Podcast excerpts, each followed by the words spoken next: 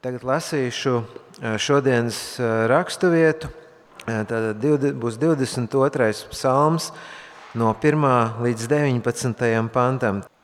Mans dievs, mans dievs, kāpēc tu esi mani pametis? Nedod man glābiņu vaimanas, mans dievs. Es saucu dienā, bet tu neatbildi, un naktī, bet man nav miera.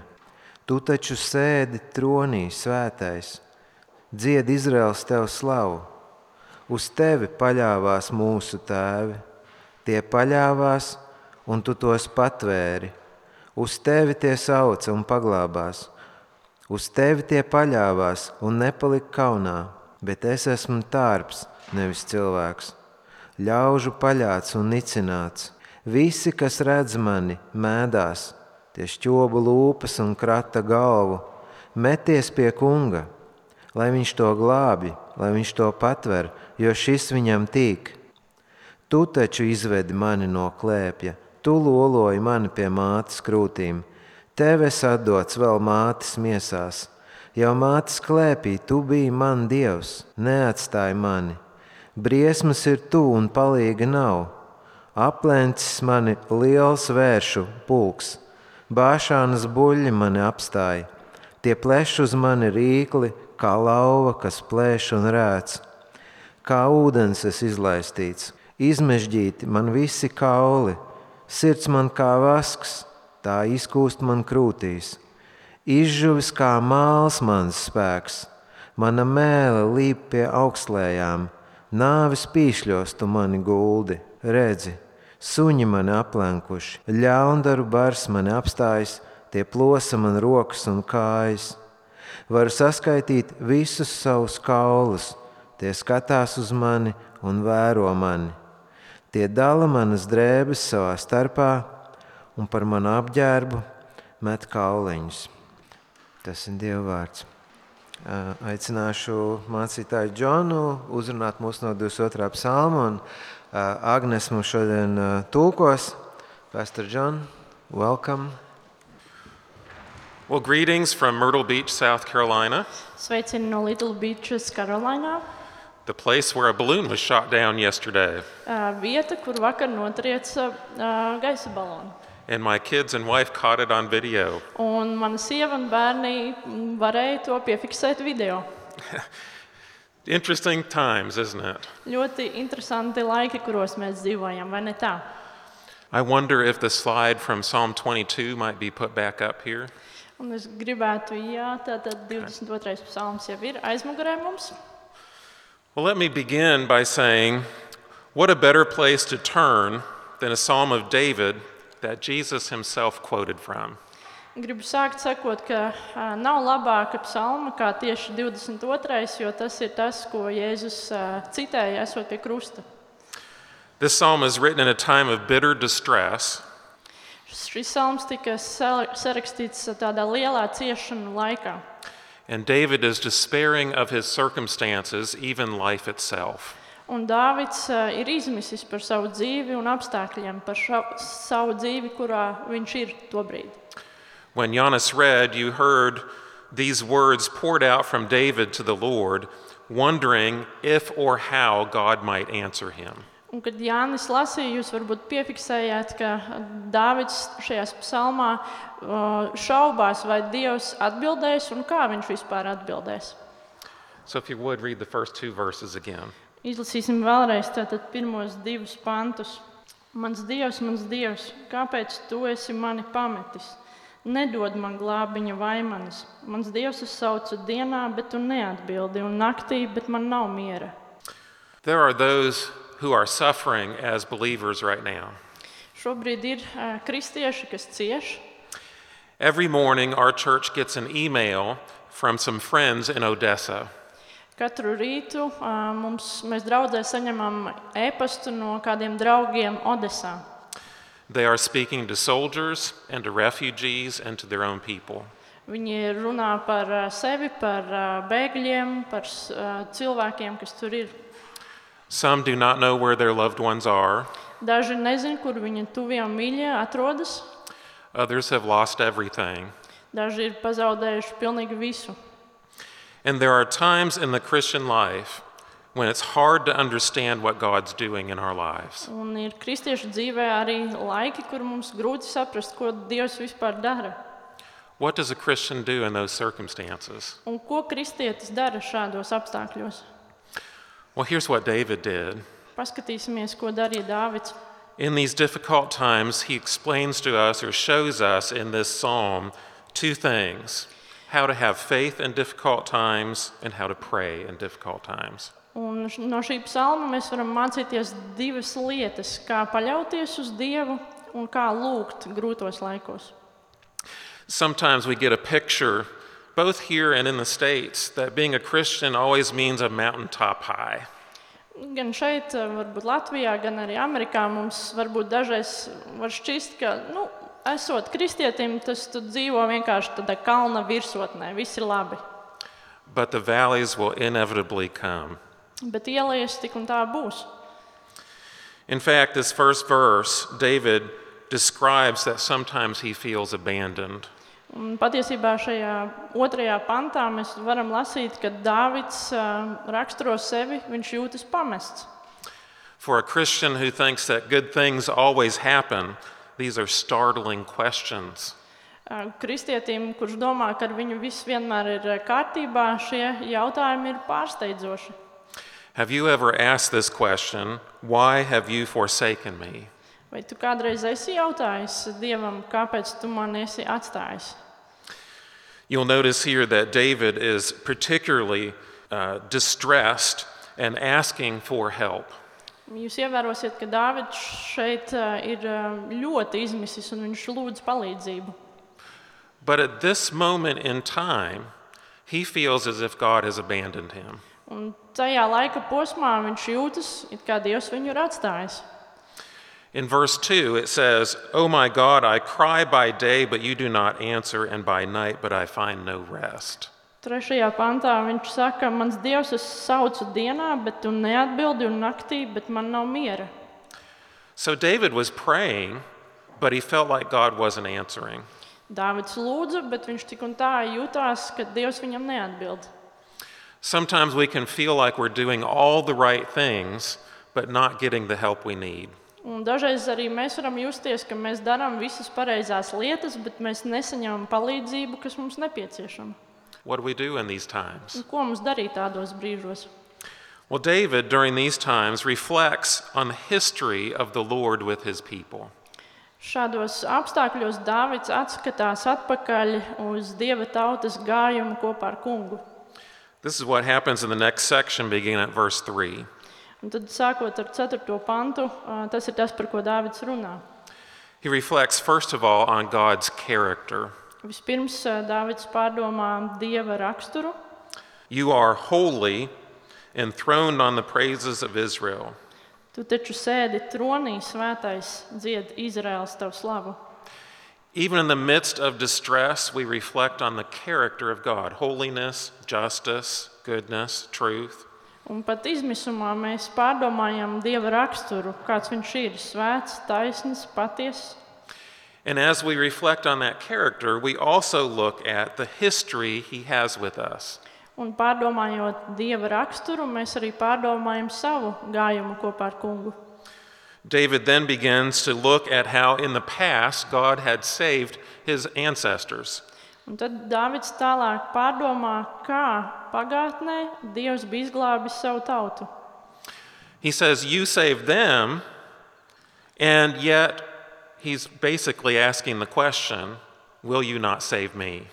Un viņš saka, Jā, Dievs, tu izglābi viņus, bet vai tu tiešām neizglābsi mani? There in verse 5 To you they cried and were rescued, in you they trusted and were not put to shame. Sastajā pantā uz tevi tie sauca un paglābās, uz tevi tie paļāvās un nepalika kaunā.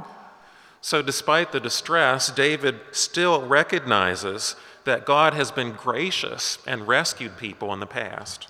Neskatoties uz savu izmisumu, Dārvids atcerās, ka Dievs bija izglābis savu tautu. Yet, underlying this question as he writes this psalm is the implicit question, What about me? Bet tomēr šajā visā psalmā iekšā ir tas jautājums, jā, bet kā būs ar mani?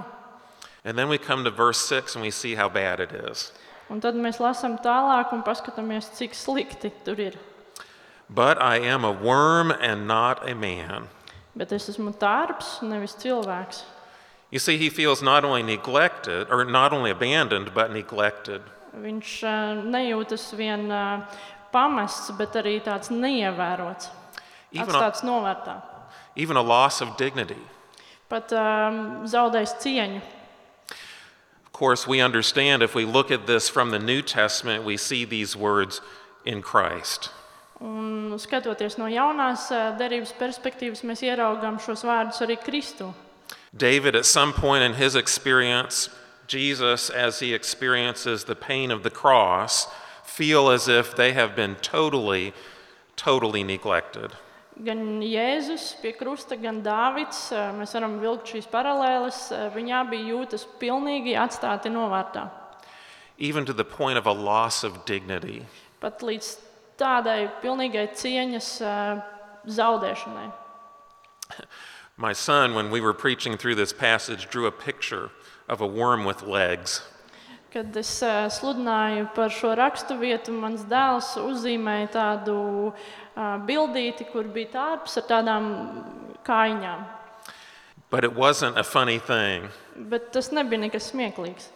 He's describing the lowest creature he can think of. Viņš aprakstīja tādu zemāko radību, ko viņš varēja iedomāties. Because this isn't just about the loss of dignity, it's about uh, being scorned. Un tas nav tikai par ā, cieņas zaudēšanu, bet arī par apkaunojumu. It says he was scorned by mankind and despised by the people.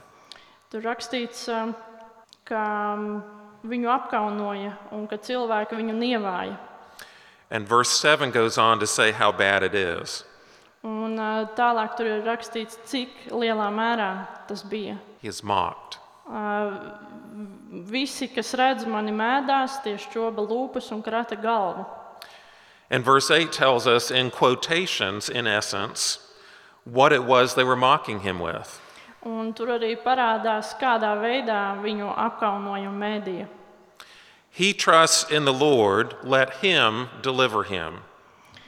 Um, sakot, uh, viņš uzticās Dievam, lai tad Dievs viņu izglābj. Let him rescue him, for he delights in him.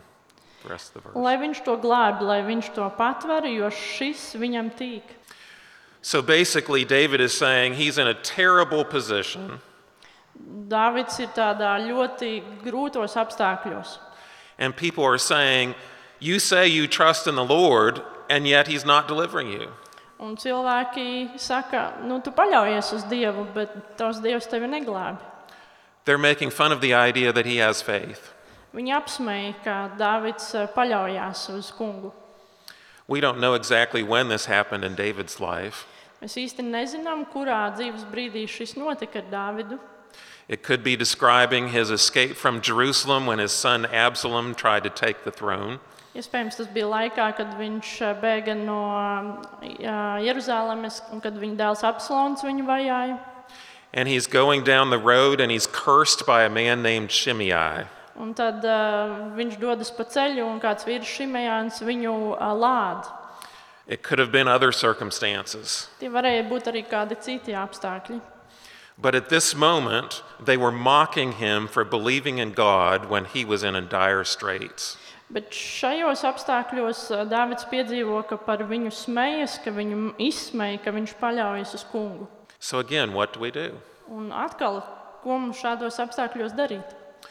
Verses 9 through 11, David turns to his personal history with the Lord. No 10. Nu, līdz 11. Dāvids atskatās uz savu personīgo gājumu kopā ar kungu.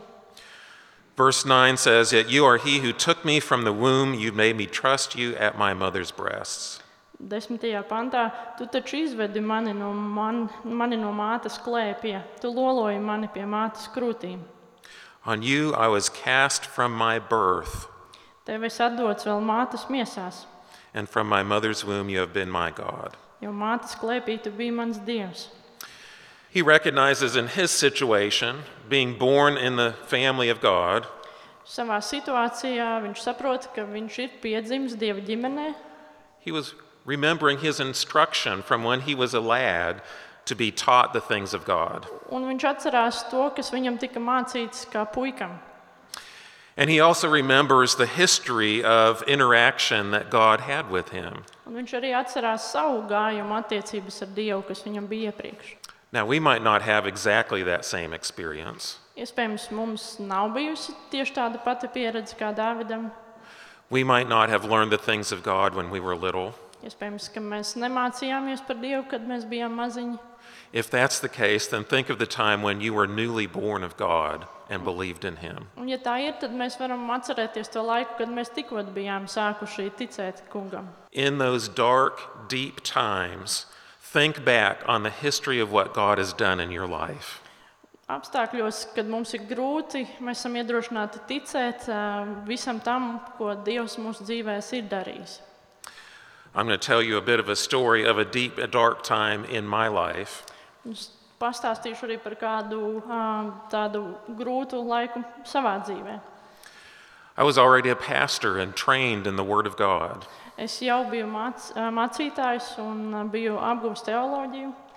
I had a family with a wife and two children. Man bija ģimene, divi bērni.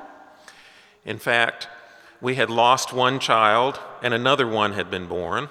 Ā, Mēs bijām zaudējuši vienu bērniņu, un tad vēl bērniņš bija piedzimis. And my wife was expecting twins. Un Mana sieva gaidīja divīniešus. Things seemed to go difficult up and down. Un bija dažādas tās situācijas, uz augšu, uz leju. We had surgery before the twins were born. Ā, Bija kāda ķirurģiskā iejaukšanās pirms dvīnīši nāca pasaulē. and everything looked very good Un viss izskatījās diezgan labi. until one day my wife said there's something wrong. Un līdz dienai, kad mana sieva teica, ka kaut kas nav kārtībā. And we went to the doctor and found out that one of the babies had died. Mēs aizgājām pie ārstiem un mēs atklājām, ka viens no bērniņiem bija nomiris. I thought these were going to be wonderful boys, Es biju domājis, ka šie būs divi forši, forši puikas. and despite my training and gone, having gone through loss before, I didn't know what to do. Un neskatoties uz to, ka es biju kaut ko līdzīgu iepriekš piedzīvojis, ā, es nezināju, ko darīt. My faith crashed that weekend. Ā, Mana ticība sašķobījās tajā nedēļas nogalē. I felt abandoned and forsaken, Es jutos atstāts un pamests. and my wife wondered what I was going to do. Un mana sieva prātoja, ko es darīšu. So, what can you do? Ko mēs varam tādās situācijās darīt? You constantly think about these bad things that happen. Visu laiku tev prātā maļās šīs sliktās lietas, kas notika. But you have to once again turn to the one God, the one person who can rescue. Bet ā, tajā brīdī tev ir jāpievēršas tam vienīgajam dievam, kas var izglābt.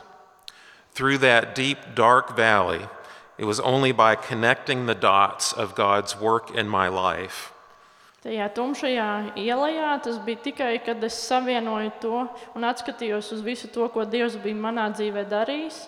and through his history with me Un atskatoties uz to vēsturi, kas man bija kopā ar Dievu, that I was not only able to get through that weekend, but to preach the funeral of my other sons. es varēju pārdzīvot tikai tāpēc, es varēju pārdzīvot to smago nedēļas nogali un arī sludināt savā ā, dēla bērēs. You see, the one who died in the womb, about a month later, his brother was born and lived one day. Un arī ā, gan tas puisītis, kas ā, sākumā nomira viens no dvīnīšiem, arī otrais, ā, kad viņš piedzima, nodzīvoja tikai vienu dienu un arī nomira pēc tam. Not because of anything in me, but because of the God who worked through me, I was able to preach that funeral. Un ā, neskatoties uz to, kas bija kaut kā manī, bet dieva dēļ man bija iespēja un spēks ā, sludināt tajās bērēs. So that in that time, while my wife was in the hospital, I could tell others the wonderful news that God still loved me. Un tajā laikā, kad mana sieva bija vēl slimnīcā, man bija iespēja ā, teikt citiem, ka Dievs joprojām mani mīl. You see, our faith in difficult times is not so much what we do, but what God has done in us. Un ā, ticība grūtos laikos ir ne tas, ko mēs esam izdarījuši, bet tas, ko Dievs ir izdarījis caur mums. The other aspect of this faith is to tell God what we're experiencing. Tā otra lieta šādos apstākļos ir teikt Dievam tās sajūtas, ā, kam mēs ejam cauri, visu to, ko mēs pieredzam. You see, this psalm doesn't just tell us about David's faith in difficult times, but about his prayer in difficult times. Šis psalms nerunā tikai par ā, Dāvida ticību grūtos laikos, bet arī par to, kā Dāvids lūdza Dievu. Verse 11 is a very crucial verse in this passage. Ā, 12. pants ir ļoti svarīgs ā, šajā psalmā. In verse 2, or verse 1 rather, he had said, Why are you so far from saving me? Otrajā pantā Dāvids sacīja, kāpēc tu esi tik tālu, kāpēc tu esi mani pametis. But in verse 11, he says, Be not far from me. Savukārt 12. Dāvids saka, neatstāj mani. He recognizes that more than anything else, he wants the presence of God with him at that moment. Dāvids saprot, ka viņš tajā brīdī nevēlas neko citu, kā vien dieva klātbūtni tajā brīdī. Isn't this what we all want when we ha go through a difficult time? Un Vai tas nav arī tas, ko mēs visi gribam, kad mums jāiet cauri kādām grūtībām? We want someone with us who can help us and will not forsake us. Mēs gribam, ka kāds būtu ar mums, kurš mūs nepametīs. This is, I think, the cry from David's heart. Un tas ir tas ā, Dāvida sirds, ā, mm, sirds lūgums. There is no one else that can help. Nav neviena cita, kas varētu palīdzēt. He might have a family member that can give comfort, Iespējams, ka tur varētu būt kāds ģimenes loceklis, kas varētu viņu mierināt, but not someone that historically has worked with him, has saved him, and will rescue him. bet nav tāda, kas iepriekš būtu bijis ar viņu, kas varētu viņu izglābt. So, this prayer sometimes is just a simple request for God's presence. Un šī lūkšana ir tāds vienkāršs, atklāts ā, lūgums pēc dieva klātbūtnes. And really, this is one of the greatest promises of all of Scripture. Un arī viens no lielākajiem ā, apsolījumiem rakstos. This was God's promise to the Israelites in the desert. Šis bija arī apsolījums izrēliešiem, ko Dievs bija devis viņiem tūkstnesī. This was God's promise to David in the covenant. Apsolījums, ā, ko Dāvids saņēma caur derību. This is God's promise through Jesus when Jesus said, I will never leave you nor forsake you. Un arī apsolījumies- apsolījums mums, ā, tas, ko Jēzus saka, ka viņš nekad mūs neatstās un nekad mūs nepamatīs. It doesn't mean that sometimes he doesn't feel like he's far away, Tas nenozīmē, ka dažreiz mums nevarētu šķist, un mēs nejustu, varbūt, ka viņš ir tālu prom no mums. but he's always there for us to call upon him. Bet viņš ir vienmēr tur, un mēs vienmēr varam viņu piesaukt. So not only can we then ask for him to be present, but we also can openly describe the situation. Tāpēc mēs nevienu varam arī lūgt, lai viņš ir klātesošs, bet mēs varam arī atklāti viņam um, izteikt, ko mēs piedzīvojam. And there you see the next section, verses 12 and following. Un par to mēs lasām tālāk no 13. panta. He first of all describes his enemies, Vispirms viņš apraksta savus ienaidniekus. those bowls of Bashan there. They were big bowls because of the fertile land in Bashan. Viņš raksturo bašānas buļļus kā ļoti lielus un varenus. Tur bija ļoti tāda auglīga ielēja, kur viņi dzīvoja. He describes his enemies like lions, they're ferocious. Viņš apraksta savus ienaidniekus kā rēcošas lauvas. You see, we can tell God our situation. Ievērojiet, ka mēs varam Dievam atklāti paust savu situāciju. When he describes his enemies, then he describes his own anguish over them. Un tad, kad viņš um, apraksta ienaidniekus, viņš arī apraksta savas ciešanas, kā viņš jūtas. Look at the description in verse 14. Paskatīsimies 15. pantā. Kā ūdens es izlaistīts, izmežģīti man visi kauli. Sirds man kā vasks, tā izkūst man krūtīs. So he's powerless, Viņš ir bezspēcīgs, he's weak and dried up. vājš un izžuvis. Verse 15 even says his strength is dried up like a potsherd. 16. pantā izžuvis kā māls mans spēks. You know, those broken pieces of pottery laying in the dirt for no use or purpose. Nu, ie- iedomājamies, tie salauztie māla gabaliņi, kas smiltīs, ir, nav nekādas mērķa vairāk, neko ar tiem nevar izdarīt. He feels as useless and helpless as that piece of pottery. Viņš jūtas ā, nevērtīgs, ā, kā tas mazais ā, salauztais māla gabaliņš smiltīs. Thinking forward to Christ on the cross, this is where Jesus would say, I thirst. Šis ir brīdis, ja mēs padomājam par Kristu pie krusta, kad uh, viņš saka, man slāpst. So then he goes on to describe the enemies again in verse 16, describing them as dogs. Un tad 17. pantā Dāvids turpina aprakstīt savus ienaidniekus un raksturotos kā suņus. They're, they're predatory Ā, Viņi ir ā, plēsēji, and they're enclosing upon him like a pack of animals. un viņi viņu ieskauj aplēns no visām pusēm. And of course, then these words that point us so clearly to Jesus later on. Un tur tālāk arī ir vārdi, kas ā, pravietiski mums ā, liek domāt par Kristu. They have pierced my hands and feet. I can count all my bones. They stare and gloat over me. Tie plosa man rokas un kājas, varu saskaitīt visus savus kaulus. Tie skatās uz mani un vēro mani. Whether figuratively or literally, he's facing death. Nu, vai nu iztēlē, vai arī tīri fiziski viņš sastopas ar nāvi. When it says in verse 18, they divide my garments among them, and for my clothing they cast lots, 19. pantā tie dala manas drēbes savā starpā un par manu apģērbu met kauliņus. it's basically describing as being left for dead. Tur būtībā ir aprakstīts, ka viņš ir atstāts vienkārši pamests, lai nomirtu. After all, you don't gamble for somebody's clothes while they're still alive. Nu, jūs nemetīsiet kauliņus par kādu drēbēm, kurš joprojām ir dzīves. So here's David just laying out the situation before God. Un te mēs šajā psalma daļā redzam, kā Dārvids vienkārši atklāti eh, pauž savas sajūtas Dievu priekšā. So, of course, there's a place both for being instructed how to pray and to pray from your heart. Protams, ir, em, mēs varam, mums var tikt būt mācīts, kā mums jālūdz, un tad ir tas, kā mēs lūdzam. I want to tell you a little bit about my wife's experience of losing these twins. Un Es arī gribu drusīt pastāstīt savas sievas pieredzi, tobrīd, kad viņa zaudēja dvinīšus. After the one was born alive, he weighed about one and a half pounds. Oh, I don't know how many that is in Tad, kad kilograms. eh, š- viens no viņiem piedzima, viņš svēra apmēram kilogramu. She got to hold this baby just once. Un viņai bija iespēja šo bērniņu turēt rokās tikai vienu reizi.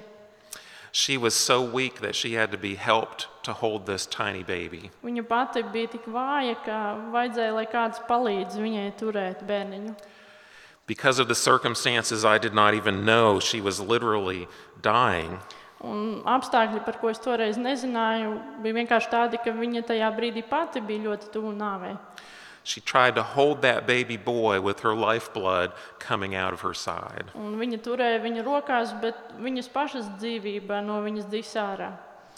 She was powerless, and the circumstances were overwhelming. Viņa bija bezcēs- bezspēcīga un apstākļi bija ļoti smagi.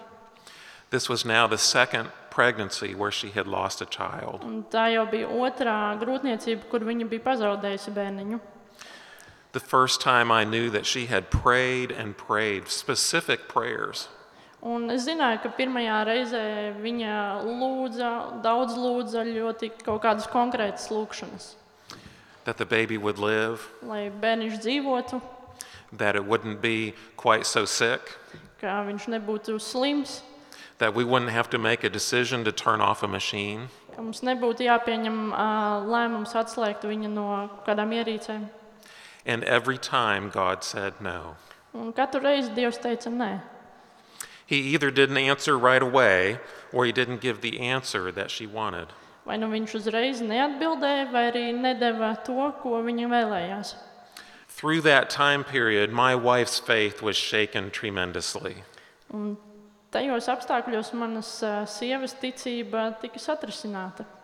So now, when I saw her this second time holding this tiny baby, Un tagad, kad es viņu redzēju otrais, turot šo mazo bērniņu, I felt not only for my child, but for my wife. Es ā, jūtu līdzi ne tikai savam bērnam, bet arī savai sievai. And not only for her physical life, but for her spiritual condition. Un, ā, ne tikai par to, kā viņa fiziski jutās, bet arī kā viņa jutās garīgi. What did David do in these circumstances in his prayer? Ko Dārvids darīja šādos līdzīgos apstākļos savā lūkšanā? He just laid it out before God. Viņš visu ā, izteica kungam atklāti. He told God how he felt. Viņš pateica Dievam, kā viņš jūtas. He told God how he felt abandoned and neglected. Viņš pateica, cik ļoti pamests un atstāts novārtā viņš jūtas. And yet he understood God was his only hope. Un viņš arī apzinājās, ka tikai Dievs bija viņa vienīgā cerība. In verse 19, and then the rest of the passage, which I'm not going to cover this morning, Noslēdzošajā pantā, un arī tālāk, ā, psalmos, ko, ko es šobrīd ā, vēl par ko es nesludināšu, g- it gives a great turn. tur ir tāds pagrieziens. He says, But you, O Lord, do not be far off. Ā, 20. rakstīts pantā, bet tu, kungs, nepaliec tālu. Again, there's this cry for God to be close by. Mēs ievērojam, ka atkal ir lūgums, ā, Dāvids lūdz, lai Dievs nav tālu, nepamet viņu. And again, just saying, Please be there for me. Dāvids saka, kungs, esi ar mani. In verse 21, which we didn't read, there's a phrase at the end that says, You have rescued me from the horns of the wild oxen. Un Tālāk tur ir rakstīts, um, ko mēs vēl nelasījām. Tu esi mani izglābis no buļļiem. I don't know how it is in your translation, but in English, sometimes it doesn't translate the verb tense right. Nezinu, kā varbūt ā, angļu valodā vai latviešu valodā, bet nu, vismaz angļu valodā dažreiz ir ā, grūti saprast pareizo tulkojumu ā, darbības vārdiem. In the original language, this is the first time where you have a past tense. Um, Ordināla valodā šis ir pirmais pants, ā, kur tiek runāts pagātnes formā. You rescued me. Tu mani izglābi. And then the rest of the psalm gives a wonderful picture of God's salvation and praise to God for that taking place. Un tad otrajā psalma daļā ā, Dāvids ā, slavē Dievu par to, kā viņš viņu ir izglābis. That weekend when I struggled with my faith, Tajā nedēļas nogalē, kad ā, es cīnījos ar savu ticību, I don't remember the circumstance, but there was a point where I recognized God had confirmed his my faith in him. es neatceros precīzi, kā un kāda, bet bija kaut kāds punkts tajā nedēļas nogalē, kad es sapratu, ka Dievs man ticību nostiprina. There was a point in my wife's prayers where she recognized that God was with her. Un arī manas sievas lūgšanās ā, bija moments, kad viņa saprata, ka Dievs ir ar viņu. There would still be ups and downs. Joprojām bija apstākļi augšā un lejā. There would still be those moments where the experience went over and over in her head. Um, Bija šie mirkļi, kad pieredzētājs vienkārši malās un atkārtojās viņas galvā atkal un atkal. But at some point, she still knew God loved her. Bet eh, tajā konkrētajā brīdī viņa arī apzinājās, ka Dievs joprojām viņu mīl. You see, as David indicates, our faith and prayer in times of distress is not static. Un, kā mēs redzam, eh, Dāvids eh, mums ļoti labi parāda, ka grūtos apstākļos lūkšana nav kaut kas tāds statisks. We're not, as Christians, robots that do not feel. Mēs neesam tādi kristīgi roboti, kas neko nejūt. Even the most dedicated Christians will sometimes struggle with their faith. Pat nopietnākie un ticībai nodevušākie kristieši dažreiz eh, piedzīvos ticības pārbaudījumus. In those times, our faith ebbs and flows. Un Tajos brīžos mūsu ticība būs augšā, lejā. Sometimes, even in the moment, un Dažreiz pat tieši šajā konkrētajā brīdī. as we know, sin makes life hard. Mēs zinām, ka grēkas padara dzīvi grūtu. For those of us in Christ Jesus, we live it out Um, Tiem, kas mēs esam Kristu Jēzu, mēs tik un tā dzīvojam cauri grūtībām, with all its difficulties in the Lord's presence. bet visās tajās eh, grūtībās mēs zinām, ka Dievs ir klātesošs. Even though he may seem far away, yet he is close. Pat ja mums varētu šķist, ka viņš ir tālu kaut kur, nē, viņš ir tuvu. When we see this psalm not only by the words of David, but the words of Christ, Kad mēs paskatāmies uz šo psalmu ne tikai kā Dāvida vārdus, bet arī kā vārdus, ko citēja Jēzus, Christ's use of this psalm and the prophetic details played out in the Passion mm, mēs redzam, ka pravietiski pie krusta piepildās tas, kas bija aprakstīts šajā psalmā. they endorse the alienation of sinners from God. Tur parādās un apstiprinās, cik ļoti tālu ā, grēcinieki ir no Dieva. And yet, as David or as, as Jesus quotes from this psalm, Un tad, kad ā, Dā, ā, Jēzus citē šo psalmu, it fully displays where our hope lay, lies. tas arī parāda spēcīgi, uz ko ir balstīta mūsu ticība. It lies in the God who rescues his people. Mūsu ticība balstās Dievā, kurš glāb savus cilvēkus. He has a history of doing that. Ā, Vēsturiski viņš ir to darījis. He has done that in your life if you have been born again of God. Viņš to ir darījis katra no jūsu dzīvēs, k- ja jūs esat ā, piedzimuši no jauna. And in the end, he will never let you go. Un nobeigumā viņš nekad, nekad jūs nepametīs. So when you go through these peaks and valleys, Un Tad, kad jūs ā, piedzīvojat šīs augšup un lejup situācijas, know that God is available to listen. ziniet, ka Dievs ir ā, klātesošs un Viņš klausās. And even when he is slow to answer, he is our only hope. Un pat tad, kad Viņš ir lēns atbildēt, Viņš ir mūsu vienīgā cerība. Let's pray. Lūksim. Father, we thank you for this example in the life of David. Tās mēs tev pateicamies par šo piemēru Dāvida dzīvē. We thank you for these words that were quoted by Jesus on the cross. Mēs pateicamies par šiem vārdiem, ko Jēzus citēja pie krusta. But we thank you most of all that you are a holy but merciful God, Un pāri visam mēs pateicamies, ka tu esi svēts un žēlsirdīgs Dievs. and that you love your people, Un ka tu mīli savus ļaudis.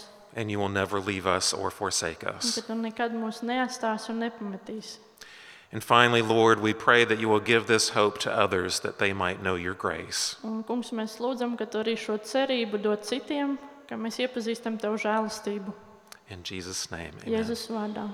Amen. Thank you.